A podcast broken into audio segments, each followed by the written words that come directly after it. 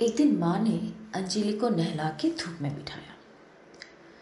फिर माँ ने थोड़ी देर बाद उसकी भाई को भी नहला के उसी तख्त पर बिठा दिया।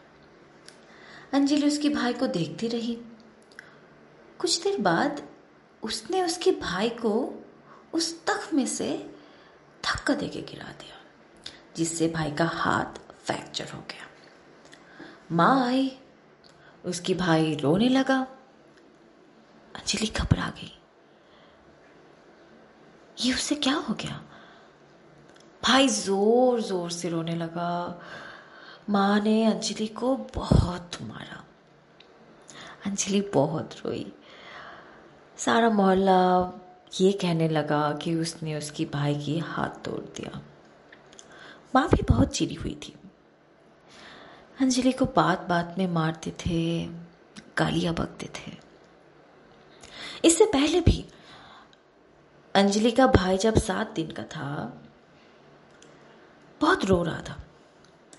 अंजलि उसको चुप कराने की कोशिश कर रही थी बट वो चुप नहीं हो रहा था। पास में एक स्वागन की फंटी मतलब कटी हुई पतली लकड़ी, पड़ी हुई थी। अंजलि ने उस लकड़ी को उठाया और उसकी भाई के चेहरे पे सब करके मार दिया। भाई चुप हो गया। अंजलि जब भी कोई गड़बड़ करती थी, उसको उसी लकड़ी से मारा जाता था। भाई के चेहरे पे लाल लकीर आ गए थे। अब अंजलि को भाई के पास जाने तक नहीं देते थे। यह तक कि सजा ये हुआ माँ भाई को सामने सुलाते थे, अंजलि को पीठ के पास।